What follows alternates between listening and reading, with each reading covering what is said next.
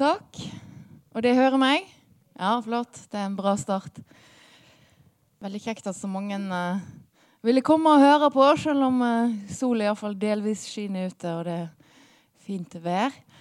Uh, jeg føler meg litt beæra som er invitert uh, på fredag før påske til Dette må jo bli liksom påskekrimarrangementet det, det kan stette her, da. Det er litt stas. Som krimdebutant. For da ble jeg jo eh, kalt i fjor da at jeg var krimdebutant. Og da var det jo faktisk 13 år siden jeg debuterte første gangen. Og jeg var òg eh, debuterte som dramatiker i fjor vår med et stykke på Det Norske Teatret som heter 'Kalli', som gikk der. Eh, så det var litt artig at jeg fikk lov å debutere to ganger til etter alle de årene. Men nå veit jeg ikke om det blir flere debuter, da. Derimot så kan det hende at det blir flere krimmer. Det skal jeg si litt mer om etter hvert. Uh, jeg kan fortelle litt om utgangspunktet for, for denne boka. Uh, det var nok, som Alf sa, mange som ble overraska egentlig når jeg plutselig skulle skrive krim, fordi at de forbinder meg stort sett med dikt, de som forbinder meg med noe som helst. Men jeg kan jo si at denne boka her, den kom i 2011. Den heter ikke 'Mellom oss sagt', men bare 'Mellom oss'. 'Mellom oss sagt' er Marit Eikemo sin roman. Så jeg var veldig i stuss. husker jeg, eh, Det var redaktøren min som foreslo at den kunne hete 'Mellom oss'. Og så var jeg sånn Ja, men det høres ut som jeg bare har stjålet tittelen til Marit Eikemo og tatt bort et ord. Men, eh, men den het iallfall 'Mellom oss', da og kom for, uh, for uh, ganske mange år siden etter hvert. Men den, det jeg skulle frem til var at den handler om tre generasjoner i en familie og de hemmelighetene de har, og alt de ikke snakker om. Og den blir fortalt ut fra perspektivet til tre kvinner i en familie. Altså farmor og hennes svigerdatter og så barnebarnet. da, eh, På forskjellige tidsplan helt fra krigens dager og fram til i dag. Eh, og sånn sett så minner Den kunne på en måte nesten vært en slags krimroman, men var det ikke. Og denne her, som er en krimroman, eh, den handler òg om eh, en familie i flere generasjoner og de hemmelighetene de bærer på, og blir fortalt fra forskjellige perspektiv eh, i forskjellige tidsfaser. Så egentlig så har jeg tenkt på etter den har kommet ut, at, at de er veldig forskjellige. Og dette er en krim, og det er ikke en krim, men de er òg beslekta, på en måte. Um, og så er det egentlig noen sånn fellesnevnere mellom alle bøkene mine. Denne her kommer samtidig. Eh, 'Skogen den grønne' er ei diktbok for unger, og voksne hvis de vil, eh, som handler om et barn som går og liner rundt i skogen. Og den eh, Det er kanskje vanskelig å se noen ytre likheter, men jeg ser iallfall sjøl at i alle bøkene mine så spiller naturen en viktig rolle. Det gjør den i denne òg. Nå har ikke jeg den første utgaven som kom i høst, som har stive permer, den er ikke her nå, men der er det bilde av en foss og en fjord. Jeg tror det er, tatt, det er lånt fra Geirangerfjorden. Eh, men det var ikke tilfeldig at det var foss og fjord på omslaget i første utgaven. Her er det blitt eh, litt annerledes. Eh, men naturen spiller en viktig rolle i denne boken, og det gjør den egentlig i alle bøkene mine. Og så handler det mye om eh, Døden er med i alle bøkene, stort sett. Eh, og relasjoner mellom folk. Det, og tida som går, og hva den gjør med oss. Det er sånne ting som jeg er opptatt av uansett hva sjanger jeg skriver i. egentlig. Så for meg så henger alt litt sammen, selv om jeg ser at, at uh, dikt og roman og krim og dramatikk og billedbøker for barn at det kanskje virker veldig sånn schizofrent. Men hva var utgangspunktet for at jeg ville skrive denne boka? Jeg hadde faktisk gått og drømt litt om å prøve å skrive en krim helt siden jeg debuterte.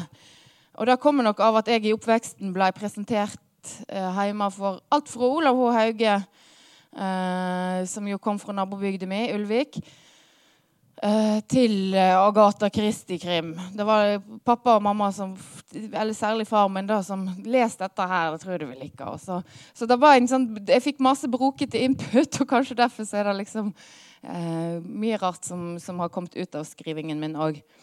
Eh, jeg syns at krimsjangeren den er jo litt sånn Blir litt sett ned på i mange litt mer finlitterære kretser. Men jeg, eh, det kommer ut gode og dårlige ting i krimsjangeren som i alle andre sjangre. Men jeg syns at på sitt beste så er krimsjangeren helt fantastisk. Fordi at Eh, skrive godt eh, kan en jo gjøre i krimbøker som i andre bøker. Eller bør helst gjøre det. Eh, men det er dette her med at disse, det her plott At en kan overraske og lure leseren helst. Eh, og, ja, og en kan putte i det så mye forskjellig. En kan putte i det samfunnskritikk eller eh, ta opp viktige tema. I denne boken så er det egentlig eh, vold mot barn, som er den store tematikken. Og sånn er det jo ofte i krimromaner, syns jeg, at de tar opp en eller annen sånn Et samfunnsaktuelt tema, eh, og, og, men på en måte putter det inn i en litt sånn underholdende eller spennende ramme. da. Men det er òg, syns jeg, veldig høy vanskelighetsgrad på det. fordi at du, i tillegg til alt annet som skal funke i en story av eh, framdrift og fortelling og språk, så skal du òg liksom ha disse her små tannhjulene. Dette her som jeg nevnte i stad, helst overraske, eller at folk skal kanskje få ei, et hint om noe, men samtidig ikke skjønne. Altså det, og at det skal være spennende, ikke minst. Så jeg tror jeg skjønte fra start av når jeg begynte å skrive, at jeg hadde lyst til å skrive en krim, men at jeg trodde det var veldig vanskelig. Så da utsatte jeg det litt og skrev andre ting i stedet for. Um, og dikt har alltid kommet veldig intuitivt til meg på en måte, og vært litt min naturlige form. Uh, men i hvert fall, for tre år siden cirka, så tok Aslak Nore, som uh, Alf nevnte i stad, som er forfatter sjøl og redaktør, kontakt med meg og lurt på Da hadde jeg nevnt til han noen år før at jeg hadde lyst til å skrive en krim. Og så sa han ja, skal ikke du, skal ikke du skrive den der krimmen snart, da? Jeg er sikker på at du kan få til det. Og hva med å skrive om et ekte par? Jeg tar utgangspunkt ikke i en sånn politietterforsker eller en journalist som skal oppklare noe, men ta utgangspunkt i et tilsynelatende helt vanlig par og deres samliv. Jo, det hadde jeg egentlig tenkt litt på sjøl, for jeg hadde lest en del av disse her, eh, internasjonale bøkene. Eh, 'Flink pike' og 'Pike på toget' og sånne bøker som, som tar utgangspunkt mer i såkalt vanlige folk. Og lurte på egentlig litt hvorfor ingen hadde skrevet en sånn type bok på norsk ennå. Og der starta det egentlig med tanken hvor godt kjenner vi egentlig våre nærmeste? Og, og hva om det viser seg grøss og gru at en ikke kjenner de i det hele tatt? Det er jo en ganske skremmende tanke for, for de fleste. Eh, og egentlig eh, skumlere enn en mange sånn Eh, større trusler som krig og terror. Og hvis en virkelig oppdager at en ikke kjenner de en del livet sitt med. Eh, så der starter det. Eh, hovedpersonene i denne boken er altså et par. Skal fortelle litt om de. De heter Klara og Håvard. Klara hun kommer fra Vestlandet. Alle tror at hun kommer fra Hardanger, siden jeg kommer fra Hardanger. Men jeg har tenkt at hun kommer fra Nordvestlandet en plass. Den plass, lille bygda hun kommer fra, jeg har ikke egentlig fått noen navn i boken, men jeg tenker at, at det er kanskje liksom Jølster-området, eller Jeg har iallfall lagt det litt sånn oppi der en plass i hodet mitt, da. Men det kan egentlig være hva som helst bitte liten bygd på Vestlandet. Og det er klart at jeg har dratt mye nytte av at jeg har levd halve livet mitt i ei lita bygd og vært der veldig mye etterpå òg. Det er på en måte en natur og et folkeslag som jeg føler at jeg kjenner godt. Men hun kommer fra et bitte lite småbruk som ligger på ei hylle over fjorden, der, eh, en grønn fjord. Og der har hun vokst opp i ganske sånn uh, trange kår, egentlig. Uh, mor uh, får vi ikke vite noe om, får inntrykk av at hun kanskje dør. Lillebroren er død, så det har bare vært hun og faren Leif, egentlig. da. Kommer tilbake til han. Men hun er en veldig ambisiøs, litt kjølig type. Hun jobber i Justisdepartementet, er jurist og jobber med, som saksbehandler der. Og hennes store lidenskap, holdt jeg på å si, hva heter det, eh, det hun brenner for, er, er, å prøve å få på plass bedre lovverk som skal hindre eller stoppe eh, mishandling og vold mot unger. Mens Håvard han er liksom på en måte hennes rake motsetning. Han har vokst opp i den store, hvite villaen på Oslo vest der de nå bor. Eh, kommer fra en familie med, med, gamle penger og har egentlig eh, aldri savna noe eller hatt noe Altså, ting har litt kommet lett til han, da, eh, syns Klara iallfall. Så hun irriterer seg jo uh, over han. Han har brutt familietradisjonen. Han har ikke blitt jurist, han har blitt barnelege på Ullevål sykehus. Og sånn sett gjort et, et lite opprør, men da gifta seg med en jurist. Og de går rundt i denne her store, flotte, hvite villaen med svær, litt rufsete hage utafor. Og, og bor der med sine to tvillingsønner, og alt ser i utgangspunktet veldig fint ut. Uh, men de snakker egentlig ikke noe særlig i lag og lever mer eller mindre parallelle liv, som det heter. Når vi først møter de, uh, den såkalte prologen er, er, er, Nei, ikke prologen. Prologen den er faktisk i 1988. Nå Klara er tolv år og foregår på Vestlandet. Men så kommer kapittel 1, Håvard, og da møter vi de hjemme en morgen som er liksom tilsynelatende sånn veldig triviell og gjenkjennelig eh, stressa morgen i en småbarnsfamilie. eh, og det er dårlig stemning, og de har dårlig tid og drar hver til seg på, på hver sin jobb. Eh, og alt er som sagt ganske ordinært tilsynelatende. Men så skjer det noe veldig dramatisk den dagen. For først så drar Klara på jobb i departementet og får beskjed av statsråden Munch om at det lovforslaget som hun har jobba intenst med de siste årene, og som hun tror skal bety en radikal forskjell eh, på, på, Hun legger opp til f.eks. overvåkning i private heimer og barnehager for, altså sånn litt og, og, veldig vil skjerpe at folk skal ha varslingsplikt i stedet for taushetsplikt. Ja, hun går ganske langt, da, men dette har hun på en måte fått gjennom. tror hun, Men så får hun beskjed av Munch at han har bestemt seg for at dette er for radikalt. Han tror ikke han får gjennomslag for det i regjeringen, så det lovforslaget må bare legges bort. Og så blir hun Hun lever jo ånde for jobben sin og blir veldig skuffa og vombåråten, som det heter. Mens Håvard han drar på jobb på, på kveldsvakt på eh, barneavdelingen på Ullevål. Og i løpet av kvelden der så kommer det inn en far som bærer på en fire år gammel gutt. Som, tydelig, som er bevisstløs. Og når de begynner å kle av han, så finner de eh, spor som viser at han har vært utsatt for, eh, for mishandling og, eh, av grovt slag, da. Eller vold. Uh, og Seinere samme kvelden så blir faren til denne gutten funnet skutt og drept på bønnerommet på sykehusområdet. Så der starter på en måte dramaet. Eh, de ansatte på sykehuset må jo inn til avhør for å Eller de som har vært rundt denne lille gutten. For de har jo alle sammen vist eh, at de ikke er så veldig begeistra for denne her mannen som antageligvis har banka sønnen sin sønder og sammen. Og Eh, ja, så de kommer i politiets søkelys. Og Seinere får det òg følge, følge på jobben til Håvard. Det får òg følge i departementet. Og det griper på en måte inn i privatlivet deres. da. Uh, og det skjer flere drap etter hvert. Jeg, ikke, jeg, tror ikke jeg skal fortelle så veldig mye mer om handlingen. Uh, dette er det som skjer de første, uh, i de første kapitlene. Jeg kan lese bitte lite grann, som er der jeg har fortalt nå, da. for det er noen små kapittel som kan De er veldig korte, altså. Så korte er det ett. De, de, dette er kanskje det korteste kapittelet i boken. De har mer sånn vanlig størrelse, de andre.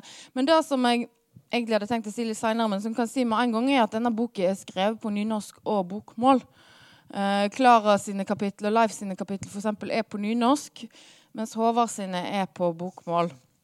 Så jeg kan lese, selv om jeg syns det er ganske fælt å lese på bokmål. En ting er å skrive det, men jeg syns det høres veldig stotrete og klønete og rart ut når jeg skal gjøre det. Men jeg skal gjøre det likevel for at det kan få et lite inntrykk av denne her skiftingen da, som mange har sagt at de er veldig fascinert over, eller syns funker veldig bra. da. Det er ikke sikkert at det vil gjøre det, men, og særlig ikke når de må høre meg lese det. Men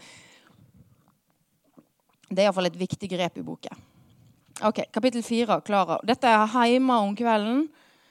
Etter at hun som sagt har fått torpedert dette her lovforslaget som var så grust for henne. I dag har jeg ikke lyst til å snakke med noen, sjøl ikke med pappa. Men jeg pleier å ringe til han hver dag året rundt. Han blir urolig om han ikke hører fra meg. Så når guttene er i seng, slår jeg på tråden. Hei, går det bra? sier jeg når han tar telefonen. Jeg ser han for meg. Han står gjerne ved vinduet og ser utover mot fjorden når han snakker. Pappa liker å kikke. Stå og glo, som mor mi pleide å si. Det er vel han jeg har det fra. Nja, sier han, spak i stemma. Hva da? Vel, jeg kjente meg ikke helt pigg og tok en tur på legekontoret. Ja, sier jeg, kjenner igjen prikkinga i hodebunnen. Han mumler noe så lågt at jeg ikke klarer å høre det skikkelig. Pappa, sier jeg, kan du snakke litt høyere? Ja, så sender de meg hit i ambulanse, sier han. Hva, sier jeg, glir ned på gulvet for andre gang i dag. 'Hvor hit? På sykehuset. De mener jeg kan ha hatt et lite slag eller noe. Er du der? Ja, sier jeg. Kremter, kjenner meg svimmel. Det går nok bra, fortsetter han i et toneleie som sier det motsatte.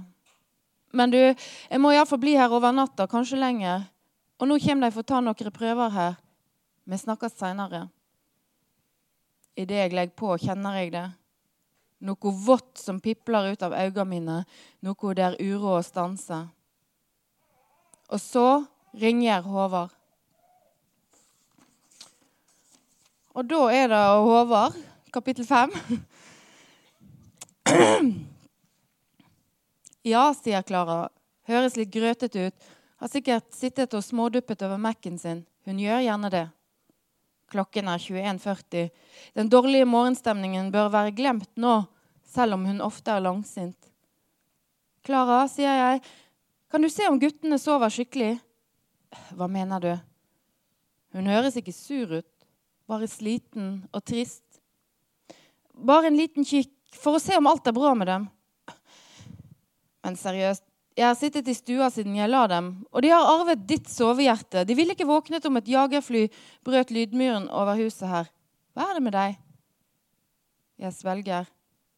Har det skjedd noe? Jeg står alene inne på et mørklagt vaskerom på avdelingen, og nå brister det for meg. En jævla gangster med en Chelsea-trøye, høy på anabole steroider. Nå skjønner jeg ingenting. Han kom inn med fireåringen sin, forklarte at ungen hadde falt fra et tre. Vi sjekker gutten og ser at huden er full av blåmerker, risp og svimerker. CT-en avdekker en massiv hjerneblødning. Nå ligger gutten der hjernedød, og vi venter bare på å slå av maskinen. Herregud, hvisker Klara i telefonen. Som om det ikke var nok, har faren gått rundt og laget faen på avdelingen helt siden han kom, som om dette var vår skyld. Nå kom han akkurat og krevde tilgang til et bønnerom for å be etter å ha slått i hjel sønnen sin. Verden er så jævlig. Du skulle sett den gutten, Klara. Han minnet sånn om våre gutter på den alderen. Hadde til og med de samme joggeskoene som Andreas. Det blir stille noen sekunder. Jeg hører bare noen små lyder, som om hun flytter på seg. Så hører jeg henne hviske. Hun må være i døråpningen til barnerommet. Guttene sover, sier hun. Takk, hvisker jeg tilbake og mener det virkelig. Så der fikk de noen små smakebiter som illustrerer denne her eh, vekslingen, da.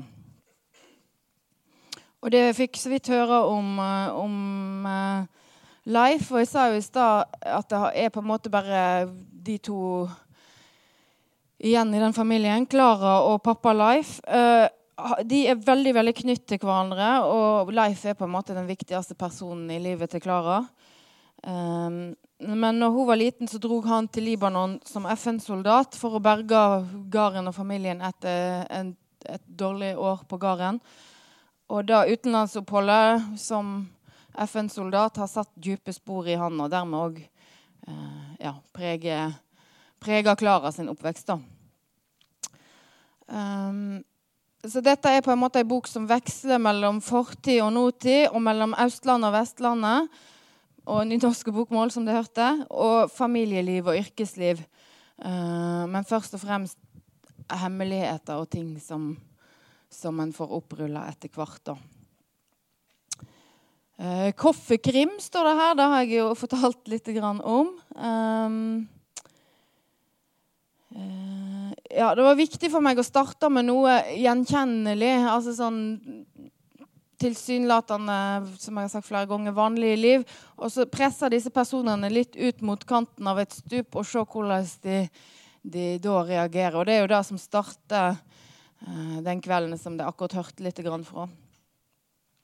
Uh, så har jeg fått masse spørsmål om, uh, om Klara ligner veldig på meg, da, siden hun både kommer fra ei lita vestlandsbygd. Og jeg har òg tvillingsønner. og det er litt sånn der, Etterpå har jeg tenkt hvorfor i alle dager skulle jeg absolutt gi henne tvillingsønner. Det er jo liksom å be om at folk tenker at det er Knausgård, liksom. Men, uh, men det var egentlig bare i min verden så kom babyer to og to i gangen. Så det var liksom det jeg kjente. Og så følte jeg at jeg kunne skrive litt om det der sånn ja, At først bare slåss de, og så blir de helt symbiotiske. Og det var liksom noe jeg kjente til.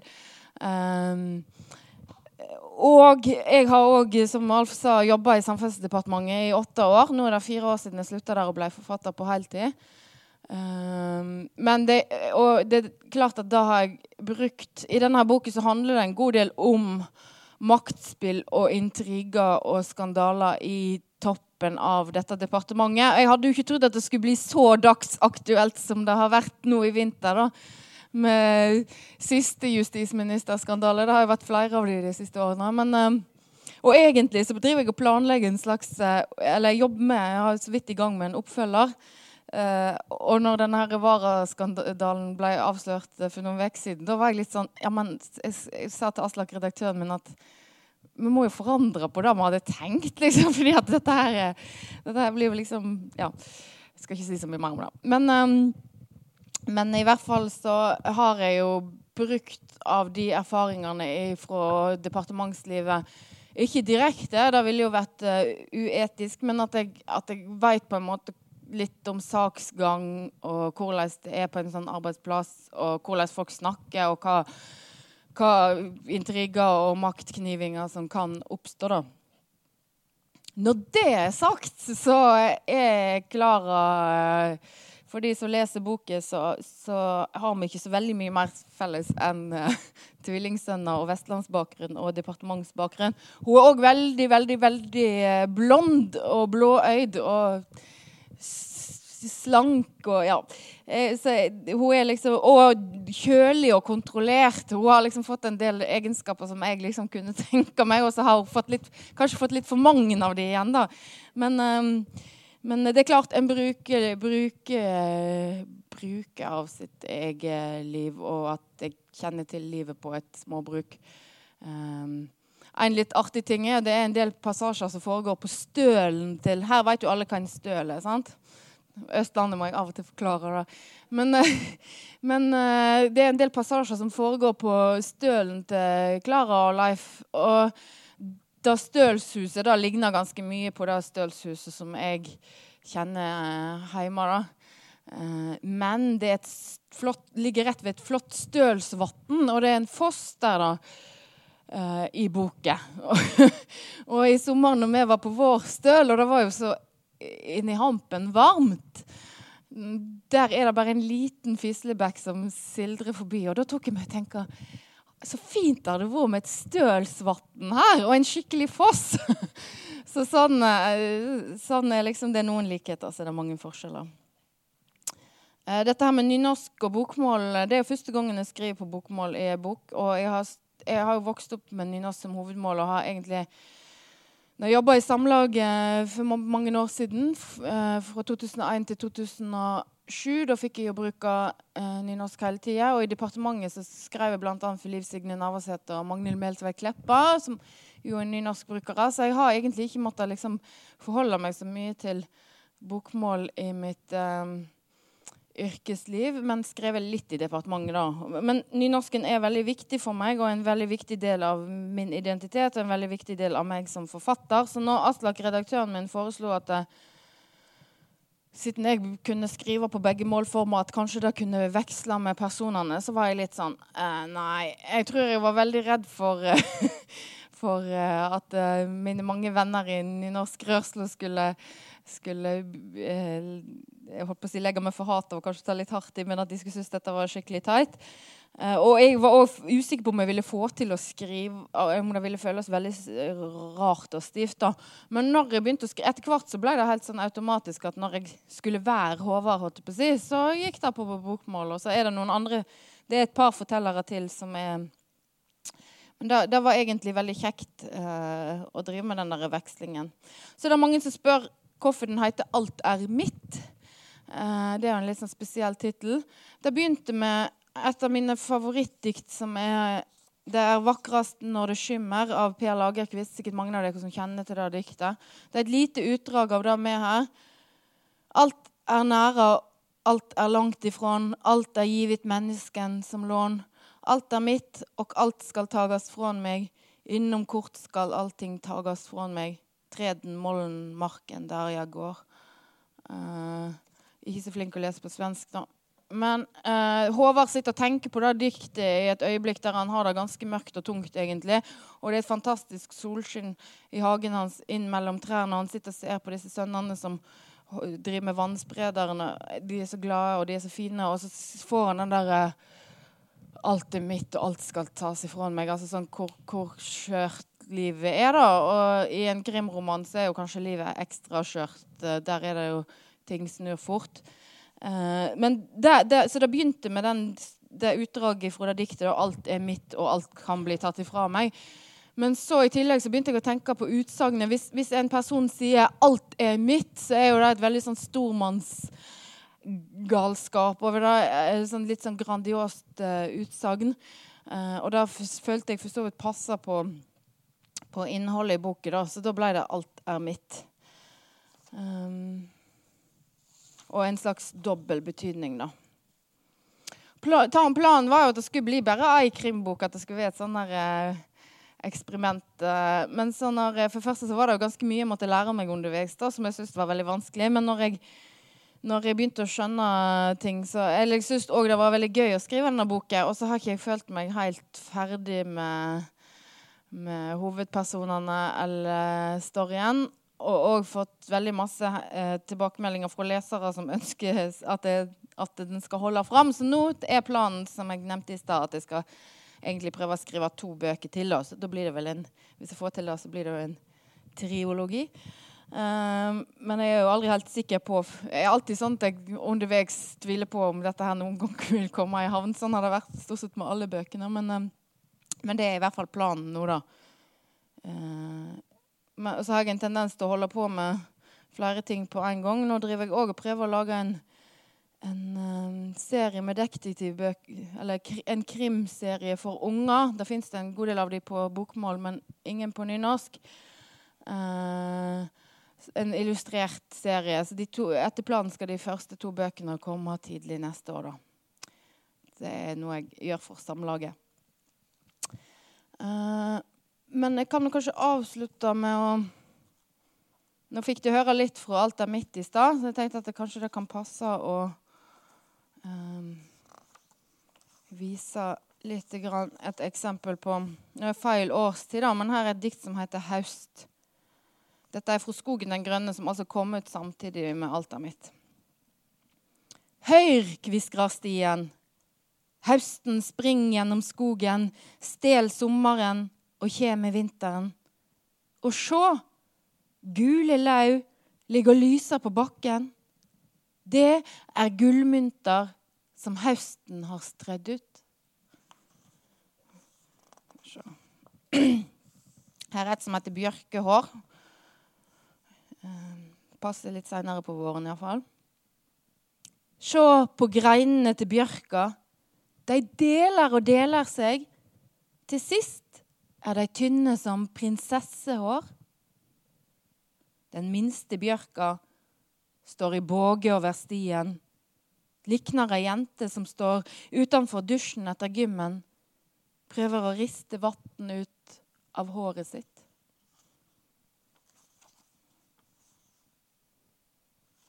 Ja, Nå avslutter vi om våren, da, kanskje. Det er et dikt jeg ikke leser så ofte. men...